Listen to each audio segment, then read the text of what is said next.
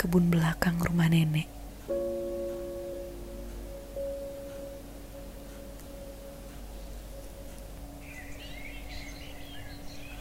Kakek dan nenekku sudah menikah lebih dari 50 tahun. Waktu itu usia mereka masih belia. Keduanya hasil perjodohan orang tua. Menilik dari pernikahan mereka yang bahagia, aku ingin seperti itu saja. Membiarkan orang tua mencarikan pasangan, sementara aku tinggal duduk tenang, menanti dijemput pangeran berkuda putih. Ini bukan lagi zaman Siti Nurbaya. Kata nenek waktu aku menyampaikan itu. Aku sedang menghabiskan minggu pagi di rumah mereka, menemani ayah ibuku pulang. Pagi itu, aku dan nenek hanya berdua saja. Kami duduk-duduk di kamarnya yang menghadap ke kebun belakang. Siapa Siti Nurbaya? Aku membalasnya dengan pertanyaan. Nenek melambaikan satu tangan dan menggeleng. Intinya, katanya, perjodohan itu sudah tidak ada lagi. Aku mengerutkan dahi. Dulu orang hidup tak punya pilihan, kata nenek. Hidup itu bukan untuk diri sendiri. Banyak hal yang perlu dipertimbangkan martabat orang tua, omongan tetangga, pandangan orang-orang. Sekarang tidak begitu. Kau masih muda, masih punya banyak pilihan. Itu penting. Untuk apa? Untuk tahu apa yang kau mau. Aku merenung. Kakekku lelaki yang romantis Ibuku bilang, kakek sering membawakan nenek bunga-bunga segar yang ia petik di kebun belakang rumah. Nenek selalu memandang wajah kakek dengan rona berseri kala menerimanya, seperti bunga mekar. Hingga kini, cinta itu tak kunjung pudar. Di semua sudut rumah kakek nenekku, bunga kering dan hidup seperti ada di mana-mana.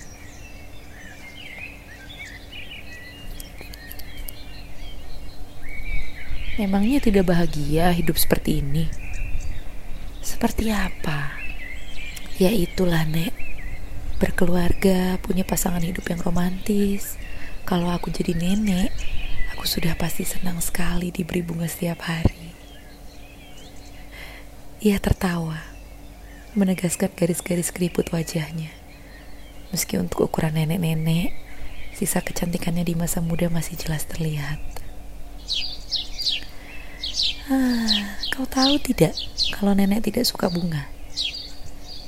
Mataku membelalak. Tidak suka. Nenekku menggeleng, senyumnya mengembang. Yang suka bunga itu kakekmu. Tapi kenapa nenek selalu senang setiap kali kakek membawakan bunga? Ia tertawa lagi.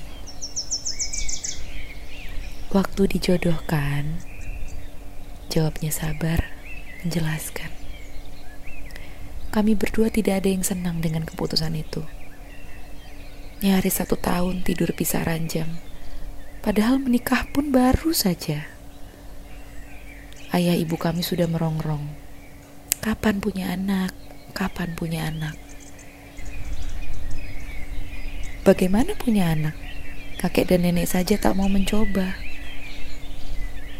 Ia melepas kacamatanya dan berjalan menuju rak di samping tilamnya, mengeluarkan setangkai mawar dari laci paling bawah. Ini bunga pertama yang kakekmu berikan. Ia petik di taman belakang.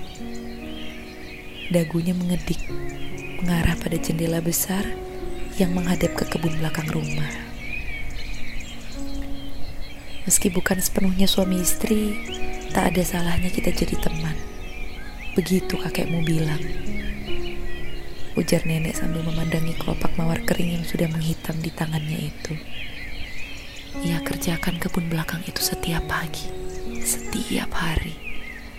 sampai berbunga yang cantik-cantik. Saat sudah musimnya, ia rangkai dan berikan pada nenek. Kakekmu itu sudah temukan rahasianya lebih dulu. Rahasia apa? Tanyaku. Tumbuhnya cinta, seperti mekarnya bunga-bunga, butuh dipupuk dengan sabar. Bunga-bunga dari kakekmu bukan tanda cinta. Bunga-bunga itu jerih payah, usaha, dan kesabaran. Nenek menyimpannya selalu, supaya kami berdua ingat, meski pernikahan tidak selamanya mudah, kami jangan saling menyia-nyiakan. Jawaban itu membuatku ingin menangis. Jadi kalau kau tanya, sekarang tentu nenek bahagia. Tapi kau juga harus tahu, jalan menuju bahagia bukan pernikahan. Cinta. Apa bedanya? Tanyaku. Hmm. Kau bisa menikah pada orang yang tak kau cinta, sayang. Suara nenek lembut menjawabku dengan sabar. Tapi cinta, ah, rasanya kau tak harus menikah untuk merasakannya. Di awal pernikahan kami, cinta tidak ada, tidak. Ia tidak datang begitu saja.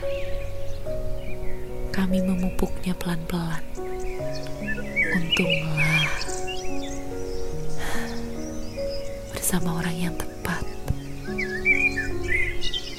Ia menerawang kejauhan. Bunga-bunga di kebun belakang berwarna-warni, seperti kehidupan dan pilihan hidup manusia. Tiba-tiba terbesit dalam benakku sebuah pertanyaan. Memangnya, kalau saat itu punya pilihan, nenek tahu mau memilih apa? Pertanyaan itu akhirnya kusuarakan. Nenek membalikkan tubuhnya, menghadapku, seraya tersenyum. Waktu, jawab nenek. Nenek akan memilih waktu.